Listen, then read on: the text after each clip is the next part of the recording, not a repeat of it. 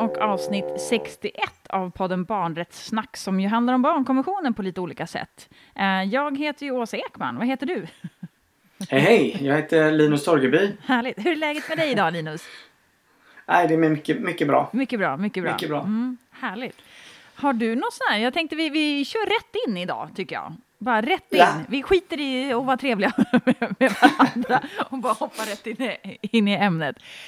Har du något, jag tänker så här, om, om vi pratar om barnmorskor och sånt där, vad tänker du på då? Nej, men jag tänker på eh, fantastiska människor som har ett eh, jätteviktigt, eh, roligt eh, jobb. Svårt också, som eh, får eh, verkligen vara de som är med och ah, ofta påbörjar ett barns resa i den här världen. Mm. Mm. Ja, men jag tänker, det är ju så många aspekter och det är ju så många rättigheter det handlar om även om och barnet är i fokus men det är ju ändå Mm. kanske då den vuxna kvinnan som är målgruppen. Alltså jag tänker det är, det är en Mm. ganska komplex roll liksom. Eh, det, här. Det kan bli rättighetskrockar, eh, många gånger är det inte rättighetskrockar men det kan bli, alltså se bo, ja. Det är ju superspännande på många sätt. Ja, det är, ma- det är massa olika prioriteringar och, och just det här att eh, mm, ofta när vi pratar kanske vi pratar om Ja, men vi, vi hamnar ofta i skolbarn liksom och skolan, alltså sådär, men de allra yngsta barnen känns som att eh, vi... Eh, nej, det ska bli jättekul att grotta lite i det, eller hur? Mm, ja, verkligen. Men eh, du, du nämnde precis, du har ju något minne av som, som, eh, kan du inte berätta lite om, om... eh, Du har ju ändå varit med om den här resan ganska många gånger. Eh, liksom. Ja, nej men det, det har ju varit liksom jättefantastiska barnmorskor. Men jag kommer ihåg eh, speciellt, eh, eller eh, apropå det här att vi pratar inte jättemycket om, om pappan i, Eller i det här, partnern. eh, eller partnern i det här liksom delen så. Men jag hade en gång när, när vårt fjärde barn skulle födas så hade jag precis fått en sån här paper cut. Du vet, är ett så sånt litet skärsår, sånt mini, Ett mini skärsår, som inte men det syns. var, det, det var liksom längst upp på pekfingret eller långfingret så att jag hela tiden stötte emot det. Och vi är liksom inne på förlossningen och det är liksom precis i det här liksom... Det här skedet där man verkligen vill fokusera Man- på... Eh, Ja, och, och jag vet ju att eh, Ida har jätteont liksom. Men ändå kände jag så att jag, jag, skulle jag bara kunna få ett plåster och sätta det här för att så att jag slipper liksom peta på den här och liksom fokusera på det här. Och det här. Men den här barnmorskan var bara jajamän här har du, här har du plåster. Så, så att jag kände mig också liksom sedd och världens transulle liksom. Men eh, ja, det var en, eh, en sån snabb. Åh, ja herregud. Skärsår och förlossningar. Mm. Ja. Mm. Men det är också intressant det du säger med rättighetskrockar och vem prioriterar man och hur gör man det? För att det är ju det som vi ofta möter, du och jag också. Att det är många intressen som ska in i detta. Men här blir det också så liksom skarpt och tydligt att det liksom står på sin spets Mm. så oerhört. Ja, och det Eh, kan göra det väldigt många gånger också ju. Och det är många delar i detta. Men, men vi behöver inte nämna alla rättigheter. Men vilka rättigheter har du liksom som vi kan koppla på specifikt för de som lyssnar? Och, Ja, men Ja, jag tänker här. på om vi pratar om artikel 6 om barnets rätt, alltså inneboende rätten till livet och rätten till liv och, liksom, och utveckling. Eh, Mm. Jag tänker artikel 24 om eh, liksom, hälso och sjukvård pratar ju både om, liksom, om den här mödravården liksom, alltså, och för, för, för mamman då, alltså, till exempel. Ehm, men jag tänker också artikel 1 som ju liksom är definitionen av vem som är ett barn. Och sen står det ju faktiskt också i, liksom, om man säger, i inledningen till konventionen, den här preambeln som, liksom, som sätter de här ramarna eller förhållningssätten, eh, hur vi ska tänka kring konventionen, den pratar ju om både såväl före som efter födseln, om barnets liksom, särskilda rätt till skydd. Så att Mm. även om det inte finns någon specifik artikel om för barnet i magen, eller hur jag nu ska uttrycka det, så, så kommer det upp på lite olika sätt eh, i konventionen. Mm. Mm. Och vi pratar inte jättemycket om det men det har ju också varit på tapeten. Alltså den här eh, ojämlikheten kring liksom, möjligheten för förlossning. Och alltså diskrimineringsartikeln är också viktig. Eh, också beroende på kanske vem du är eller hur du har det och sådär. Eh, att det är ändå aktuella frågor så. Absolut, Eh, absolut. och kollar vi ut internationellt så är ju det en jättefråga. Eh, så. Ja, men det kan handla om liksom mödra, alltså spädbarnsdödlighet. Det finns ju liksom ja. många aspekter som nämns. Och det är ju kanske mm. främst då liksom artikel 24 som vi kollar på då, när vi pratar om de, mm. de aspekterna. Men eh, du har ju hittat två grymma personer som eh, vi ska få snacka med. Ja, eh, Sofia, en vän till mig som är barnmorska, hjälpte oss, eh, hjälpte oss att hitta eh, Marie och Maria. Och vi hade flera barnmorskor som verkligen var intresserade av att prata om detta. Så det gick superfort att få dem här. Och det tycker jag också liksom signalerar någonstans någon slags sug att resonera och fundera på, på den här eh, viktiga frågan om barnets liksom, första första tid. Så. Mm. Um, så eh, Marie och Maria och hade vi ett samtal med här alldeles nyss. Så här får ni lyssna på när Åsa och jag pratar med dem.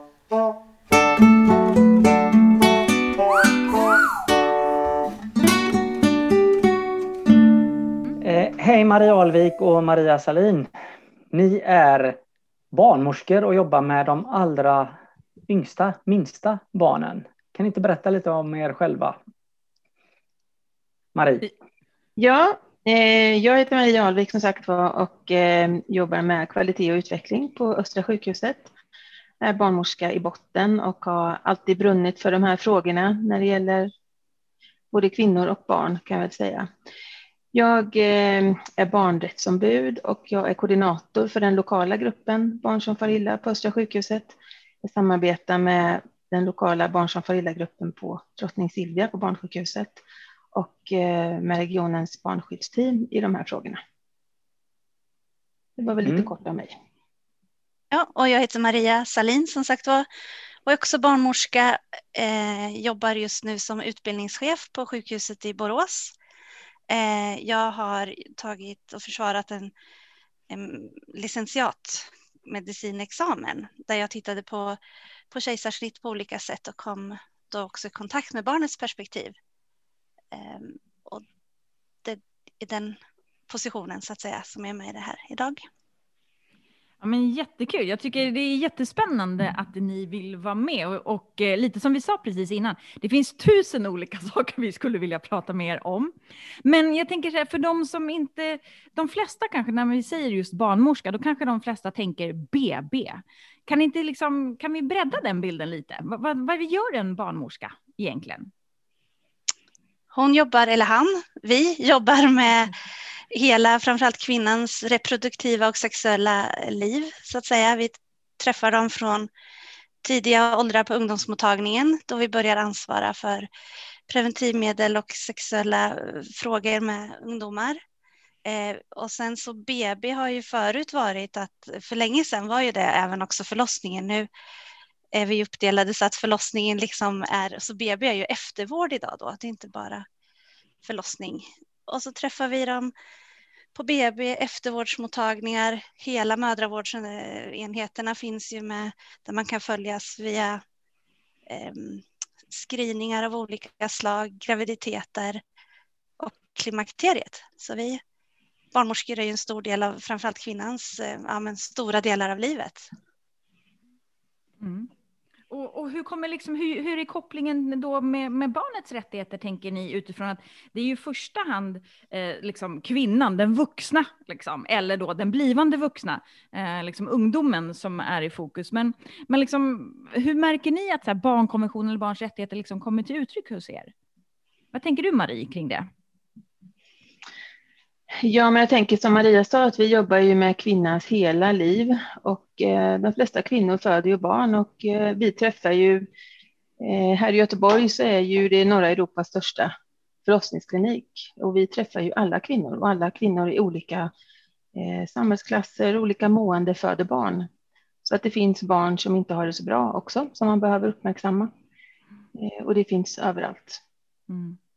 Och de allra första tiden och första, första små barnen är ju rätt så utsatta. Så att eh, jag tänker att det är en viktig fråga att diskutera. Mm. Men pratar ni liksom, jag tänker, ni pratar ju om barn och barns olika liksom uppväxtvillkor och, och sådär och förutsättningar. Men pratar ni liksom någon gång så här i termer av barnkonventionen liksom? Eh, gör ni det eller hur ser det ut liksom? Vi har väl eh, börjat lite smått kanske, men eh, vi pratar om hur barnen har det, men kanske inte att vi har barnkonventionen som grund för samtalet. Mm. Mm. Utan att vi mer pratar om hur att vi kan vara oroliga för en del barn, en del mammor, en del föräldrar. Hur har de det egentligen? Mm. Att vi belyser det på det sättet ska jag vilja säga. Ja, precis, att det blir mammans eh, leverne så att säga mm. som blir våran fokus och på så sätt kommer vi in på barnet.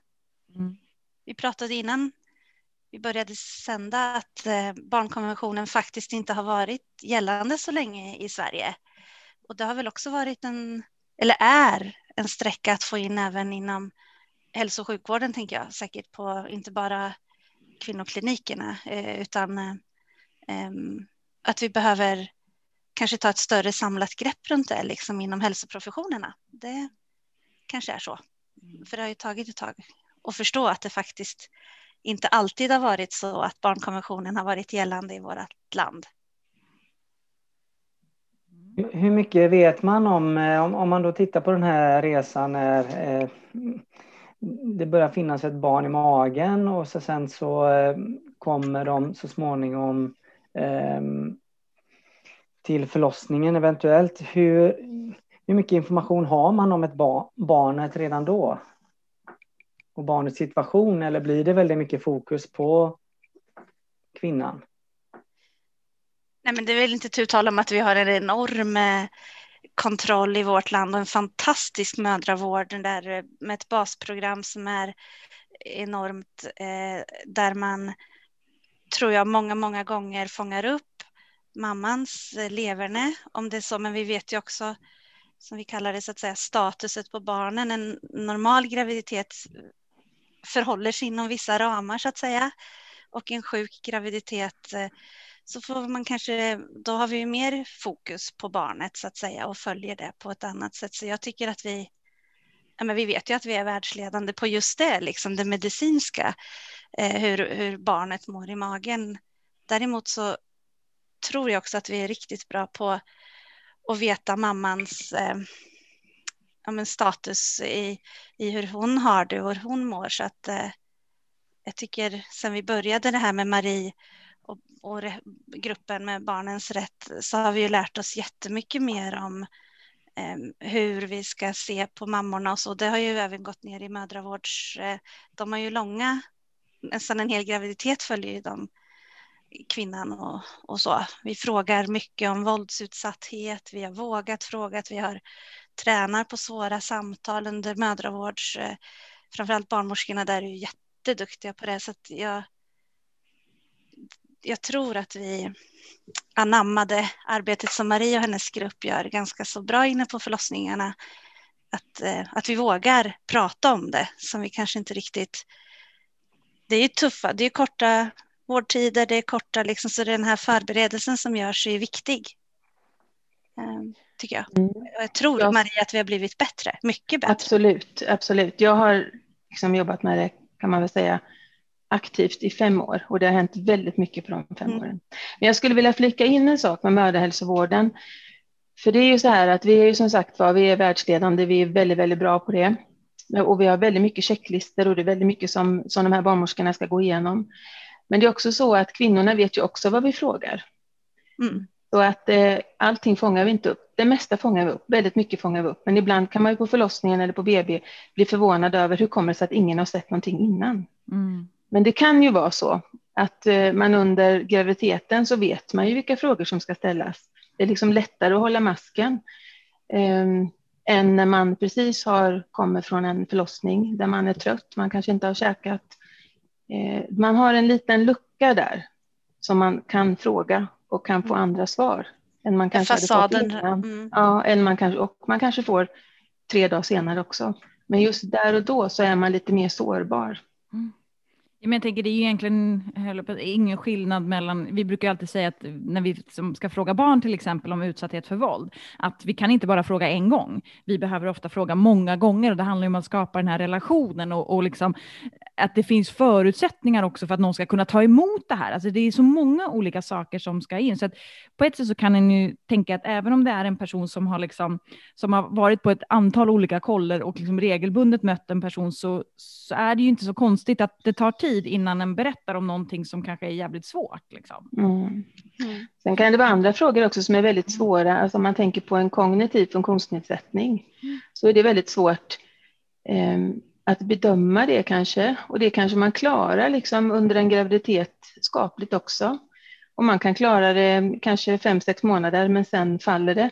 Och då är det lite grann hur man frågar och hur, alltså om den här blivande mamman då kanske har svårt med sina egna, eh, att ta hand om sig själv, hur ska hon då kunna ta hand om ett barn? Men det kan också vara svårt att ställa de frågorna under en graviditet när man inte har något riktigt att ta på. Och det är väl den gruppen som är absolut svårast skulle jag säga, alltså de här när man pratar om försummelse eller omsorgssvikt. Mm. Det är en grupp som är väldigt, eh, det är ofta lite diffust, man har inte precis något exakt att ta på, eh, som är jättesvår. Och den är svår Hela på vägen. förlossningen. Och, Ja. ja. precis. Den är svår, både mödrahälsovården, förlossningen, BB, den är svår liksom hela vägen. Ja, men det är ju en otroligt så här, komplex, komplex roll. Alltså, det är ju det i första hand kvinnan och samtidigt så finns barnet där eh, och är liksom en egen individ med egna rättigheter. Men uppdraget är liksom fokus är kvinnan i första hand. Men jag tänker Mm. så som jag tolkar det lite som ni beskriver det så är det ju liksom att ja, men det är kvinnan som är den primära målgruppen. Men när ni märker någonting så blir barnet det också mycket tydligare. Alltså Mm. när det är liksom som du pratar, alltså finns det risker när, när ni liksom märker någonting, då kopplas liksom ett annat batteri på för att säkerställa liksom barnet. Tolkar jag det rätt eller, eller förenklar jag för mycket? Liksom, Nej, men när så. vi ser den svikten, alltså den ehm, ja, tillkortakommande låter men en sviktande ehm, anknytning eller brist av någonting, då tycker jag de sista fem, sex åren har blivit en helt annan ehm, ansvar från oss i förlossningsvården än vad vi tog innan. Ehm, Mm. Tycker jag. Vad är det då? Kan du beskriva någonting om den resan då? För vad är det då Nej, men alltså, liksom? när jag var ny barnmorska, eller jag varit klar så i 23-24 år så eh, ja, men då kom man in, födde sitt barn och så åkte vi pratar liksom inte så mycket nu upplever jag att vi eh, har eh, samtal och, och, och när jag var chef ja, men på Östra och, och någon barnmorska kom och tyckte men jag, det här känner jag så kunde vi sätta oss och prata och så, så att skriva en orosanmälan var inte lika stigmatiserande heller utan vi förstår att en orosanmälan gör ju vi för att det behövs någon form av er, eh, alltså hjälp Mm. eller liksom inte att man ska ta barnet primärt Mm. utan här behövs det stöttning eller någon som kommer dag ja men ni vet det finns ju mängder med, med, och, med hjälp som man kan få det tror inte jag riktigt att vi ja men typ hade koll på förut som vi har nu. Eh, nu får du rätta mig Maria om jag har fel men den känsla jag har att vi eh, orosanmälan förut var liksom per definition så här ja, man, barnet inte skulle följa med hem Mm. alltså så, att det var väldigt eh, tufft att skriva den. Nu känns det mer att man kan få ett samtal och så planeras det och för hembesök och, och olika typer av, em, det har ju vi lärt oss, tycker jag, de Mm. sista åren. Jag tror att den största skillnaden är att eh, diskussionen är lite mer levande. Sen går det Mm. lite upp och ner för det beror på lite grann vad, man, vad, vad som för övrigt händer såklart. Men, och det är också någonting som man hela tiden får hålla levande. Så man gör en satsning, man utbildar och så då vet man, då kommer det in fler orosanmälningar, fler människor har på de glasögonen liksom. Men sen, eh, ja, så att diskussionen är viktig, att den är levande och att man, Mm. att man har stöd av sin chef.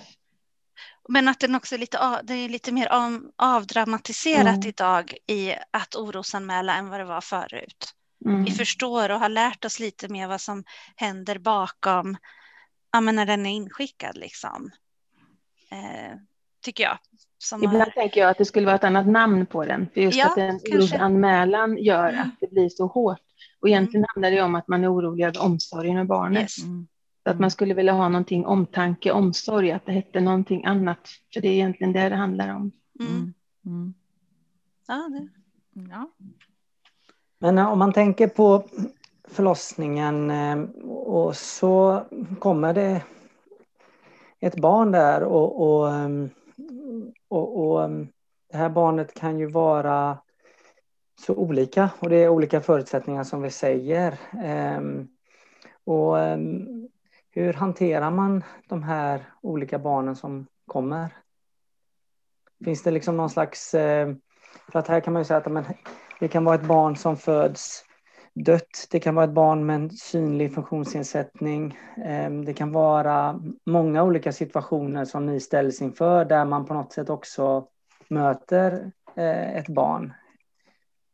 Hur, hur är det?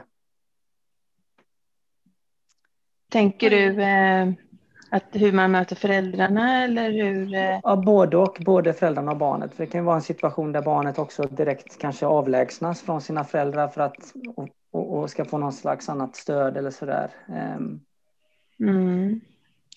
Det är tufft. Ja. Vi har ju eh, börjat med, ja men nu finns det ju i alla fall mobiltelefoner som kanske kan ha kontakt eh, den vägen. Men om du frågar vad som händer i oss barnmorskor så är det klart att, eh, att ehm, det är ett av det tuffaste vi har att göra. Jag var med på en födsel av en bebis som föräldrarna som har dött i magen. Det är klart att det är oerhört tufft, oerhört eh, utsattande för både alla som är i rummet men också många, många gånger enormt varmt fint mm. eh, minne för allas liv. Eh, och så då får man ju bekräfta, ja, oftast är de ju dessutom väldigt välskapta och liksom mm. normalviktiga, alltså man får försöka hitta normala delar i, i det svårt, svårt sjuka också.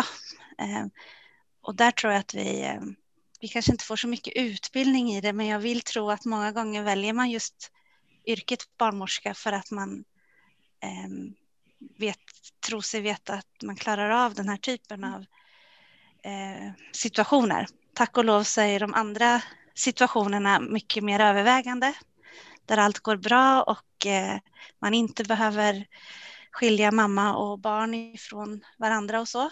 Men eh, när det inträffar så tycker jag ändå att vi försöker få med någon tröja från mamman eller pappa, alltså att vi ändå jobbar eh, med någon form av liksom att de får hänga ihop på något sätt. Men det är svårt, tycker jag. Och det här är liksom inte, vi, vi stappla på orden här lite grann och så där och det sa vi också att det här är inte jättelätta frågor och det finns flera delar i, i liksom uppdraget och det finns många liksom föräldrar, barn, hur ska man göra, man tittar på olika saker. Det är inte lätta, det är inte en lätt arbetssituation och det är inte lätta frågor som man har att hantera här. Ehm, och så, och så, ehm, så att det är verkligen svårt. Men jag tänkte bara en tanke kring det här med våld som du pratade om där, eh, Marie, förut. Om man vet då att om man här är det Eh, antingen att man har vetat om det innan, att här finns det liksom stora riskfaktorer för barnet, eller att man upptäcker någonting på, på förlossningen. Eller så här, hur, hur, hur hanterar man det då, eller hur går det till? Då gör man ju alltid en orosanmälan. Mm. Det är vi skyldiga att göra. Och sen beror det ju på hur allvarligt det är. Man måste ju på något sätt prata med den här kvinnan. Hur allvarligt är det nu? Är det fara för ditt liv nu? Alltså det finns ju en gradskillnad i det. Ehm, så det får, man ju, det får man ju ta ställning till ja, från fall till fall. Om den här kvinnan behöver ett skyddsbehov, hon kanske behöver stanna några extra nätter på BB, då får man lösa den platsen innan man kan göra någonting annat. Men det skulle jag säga är extremt ovanligt de allra, allra flesta, om det kommer fram någonting med våld så säger man att man haft en tidigare relation. Det är väldigt sällan det kommer fram att det är nuvarande relation. Och är det nuvarande relation så har det slutat och det var länge sedan. Alltså det är svårt att få de här. Men oavsett så är det ju så att eh, vi, där måste vi ju signalera att den här kvinnan behöver stöd och hjälp. Um, ja, jag vet inte om det var svar på din fråga, om det var så du tänkte. Mm. Men det viktiga, tänker jag, oavsett vad det handlar om, så är det viktigt att försöka få föräldrarna med sig. Och att man aldrig är dömande. Mm. Att man försöker förklara verkligen vad det är man är orolig för. Man kan vara ganska specifik, för den här kvinnan lever ju i sitt liv. Hon vet ju hur hennes liv är. Oavsett om det handlar om omsorgsvikt eller våld, så är ju hon medveten om hur hon har det. Så det är mer att vi tycker det är jobbigt att prata om, men hon har ju redan det jobbigaste man kan ha. Det är väldigt viktigt att man, att man försöker förklara så att man får med sig föräldrarna skulle jag säga. Mm. Och, och, hur då? Jag så att de inte känner sig lurade, att de, att de inte känner att man gör någonting bakom ryggen, för då kan vi aldrig få dem med oss sen. Mm. Nej, och, och jag tänker liksom i de sammanhangen, eh, för det är återigen så sagt, det är en komplex roll. I vilka sammanhang liksom lyfter ni barnet specifikt? För att jag tänker, um, ni möter ju massa olika situationer där kanske kvinnan har liksom eh, en tanke, en bild eller en önskan om någonting och sen ser ni kanske att ja, men det här vore det kanske det bästa för barnet. Det är mm. också mm. en sån här jättekomplex situation. Hur, kan ni ge något exempel på, på där det kan uppkomma just en sån situation där ni kanske ser en sak och liksom kvinnan ser en annan? Hur, hur kan man ha det samtalet liksom? Alltså vi har ju som sagt var egentligen varken utbildning eller tid för att göra några utredningar och det är inte vår uppgift heller. Nej. Så vår uppgift är ju att signalera någonting vi är oroliga för. Sen kan det vara att man kopplar på, vi har ju kuratorsenheten på sjukhuset och eh, då kan man ta hjälp av kuratorerna och, och de kanske sen kan lösa någonting. Men det är ju socialtjänsten som måste utreda, det är de som tar över. Mm. Och det är det här som ofta gör det ganska svårt också. För att det känner man att man måste ha på fötterna och om man då får det, vad ska man göra sen? Men det, jag vill verkligen poängtera det, att vår uppgift är ju att, att, eh, att signalera att vi är oroliga för någonting. Och sen då har vi liksom gjort så mycket vi kan kunna egentligen.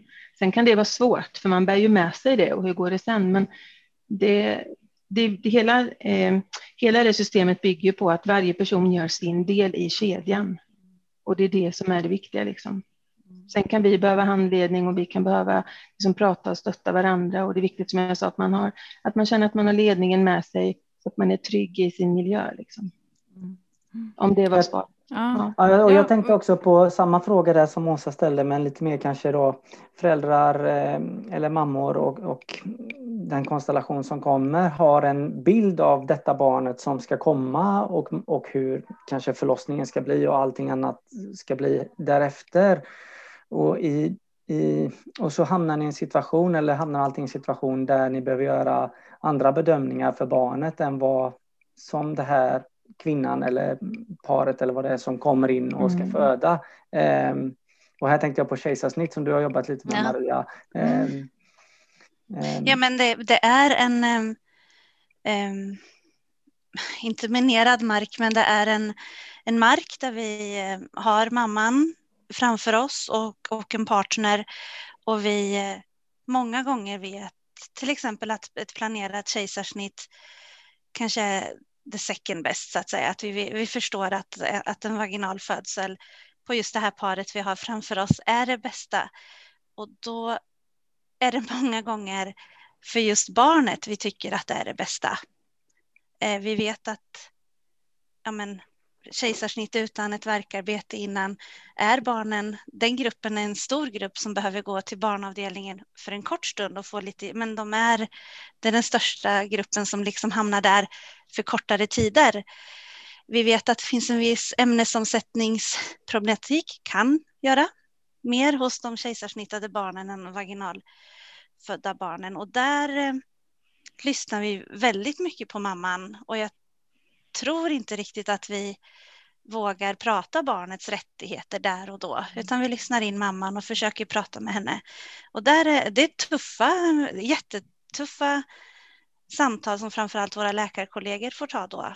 Ehm, jag kan tycka ibland när man är på BB och ska prata amning känns också lite så här, vi vet att det är en bra produkt, så att säga, bröstmjölk för, för barnen, men vi lyssnar in eh, mammorna på ett sätt. Så jag, jag upplever att vi ja, men ganska finkänsligt går fram i de här eh, stigen, men eh, många gånger är det mammaperspektivet då som om någon nu kan vinna, men att det är den, det är den eh, eh som går först då. Mm. och det här är jättesvårt och vi eh, eh, Eh, som Marie sa, vi är inte helt tränade i, i svåra komplexa eh, situationer och vi vet inte heller vad just den här kvinnan vi har framför oss har, fastän att jag sålde in så bra eh, mödravården så är det klart att vi inte vet allt om alla. Och ehm, som vår första studie vi gjorde här, nu är det många, flera år sedan, men när vi frågade eh, 12 eller 14 kvinnor om varför de vill ha kejsarsnitt utan medicinsk indikation. De var inte förlossningsrädda mm. heller. Mm. Eh, då visar det sig att alla de har varit med om situationer inom hälso och sjukvården som barn eller tonåringar som gör att de inte vill utsätta sig för en mm. sån eh, existentiell eh, situation som faktiskt ett födande är. Utan då vill de kejsarsnitt med given kalenderdag, givna människor, givet eh, liksom, tid och plats och sen man kan ju till och med snittas man på måndag kan man säga, då går det hem på onsdag. Alltså det är väldigt så här. Um, och det blev ju en aha-upplevelse för oss, eh, för det hade vi inte riktigt väntat oss. Vi hade väntat oss kontrollbehov och det fick vi också, mm. ett behov av kontroll och känsla av eh, ägande och så. Men, men just den här, ehm, eh, och det är klart att, att då, det sådana samtal har vi ju inte liksom under mödravården och definitivt inte när de kommer in med verkarbetet i förlossningen. Liksom hur, mm. eh, så att, eh, ja, men, men det, det, här spännande. är ju superintressant, tänker jag. För det är här vi kan se, liksom, tar vi tillvara på barnets rättigheter när barnet är barn?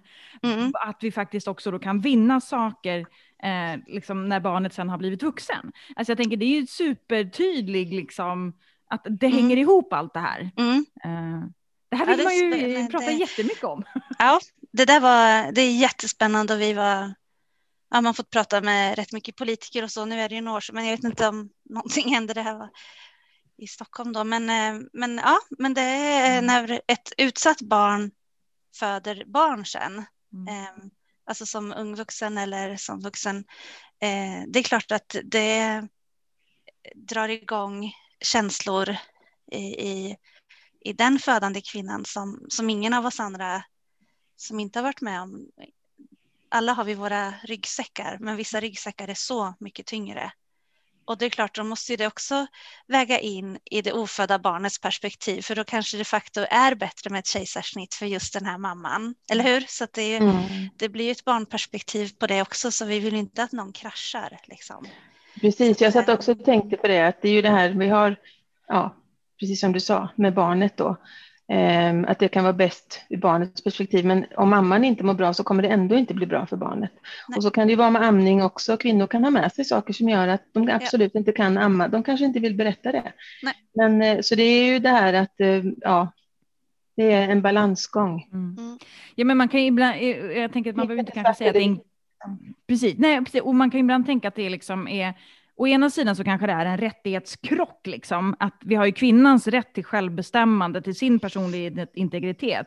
Och samtidigt så har vi då barnets rätt eh, till liksom bästa uppnåeliga hälsa till exempel. Alltså här kan det ju faktiskt bli någon form av liksom krock och då är frågan vad är det som väger tyngst i de sammanhangen? Det, är, det är egentligen det eh, vi talar om många gånger när Men det blir det här. Jag att vi måste, jag tänk, vi pratar mycket om personcentrerad vård nu mm. inom hälso och sjukvården, men inom barnvård, eh, barnsjukvården och förlossningen så börjar det också komma familjecentrerad mm. vård.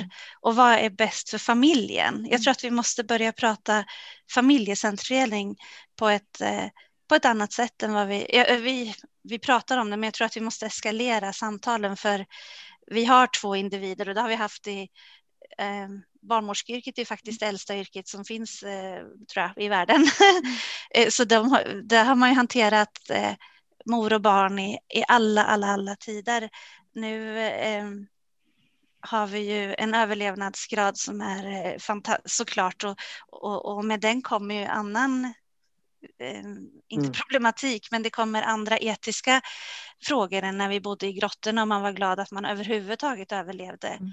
när man födde sitt barn och att barnet också överlevde. Där är vi ju långt gång. Vi är ju liksom inne i en era som är helt fantastisk på det sättet, men vi måste prata familjen och eh, familjens bästa och då är det många gånger att lyssna på mamman. Så är det ju. Men eh, ibland skulle man kanske vilja utmana, alltså mm. ställa någon eh, så. Men, eh, mm.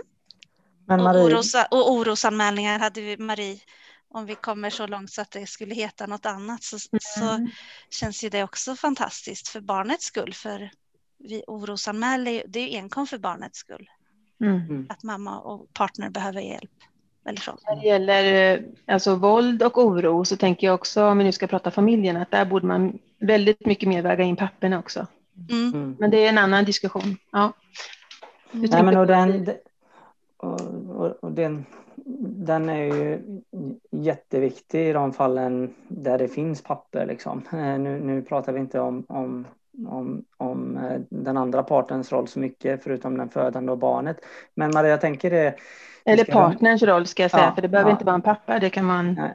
Men Ja. om, vi, om vi tänker med eh, eh, du som har jobbat nu lite med, med den här barnskyddsgruppen och sådär. Det finns, vi ska runda av här lite strax. Eh, Mm. Vi tänker att de här barnen som, som, som kommer är ju liksom små rättighetsbärare och det är det de är mycket tydliga efter barnkonventionen blev lag och nu finns det massa som kanske lyssnar på detta som också jobbar som ni gör eller barnmorskor eller andra som jobbar med familjer eller de allra yngsta barnen på olika sätt. Eh, kan ni ge några tips till dem hur de kan liksom börja, börja få syn på barnet lite mer? Vad kan de göra? Har ni något bra tips? Eller en tanke eller en frågeställning att skicka Ja. med. Liksom. Mm. Jag tänker att eh, det absolut viktigaste är att man lyfter frågorna på arbetsplatsen. För det är, det är jobbiga frågor och man vill kanske gärna eh, ry- rygga för dem, vad jag ska säga. För att man har så mycket praktiska saker. Mm. Och det är ingenting som kommer komma automatiskt, utan man måste aktivt jobba med frågorna. Och det skulle jag vilja skicka med, att börja jobba med frågorna, börja läsa på, ta hjälp av de kontakter som finns. Det finns mycket bra information att få, det finns mycket hjälp att få på arbetsplatsen. Så börja, för när man tar på sig de glasögonen så kommer man se saker. Och där, då vill man också reagera. Mm. Det finns ett öppet klimat, att man hjälper varandra. Liksom. Det är ingen enmansshow. Nej, precis. Jag tänker också ta, fortsätta ta de små stegen som är, är tagna. Ehm, och, och det här med familjecentrering, vad säger forskningen om det? Och, och, och så, man har små workshops eller eh, delar av arbetsplatsträffar där man liksom pratar om det.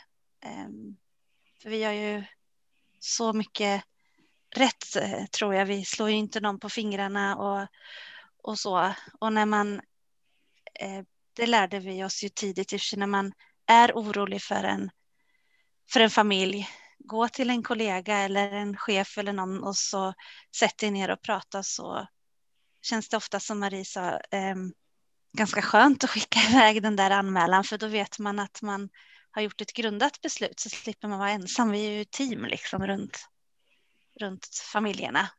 Eh, och våga prata med BVC, sätta igång den kedjan och sådär. Eh, mm. Men att våga tror jag vi Mm. behöver vara, göra. Absolut, det håller jag med om. Mm. Stort tack! Våga och börja prata, liksom, ta hjälp av dem ni har runt omkring er så, så kommer liksom mycket sen längs vägen sen. Men Mm. man måste ta det steget själv först för det kommer inte per automatik annars, liksom, om vi inte börjar. Ja.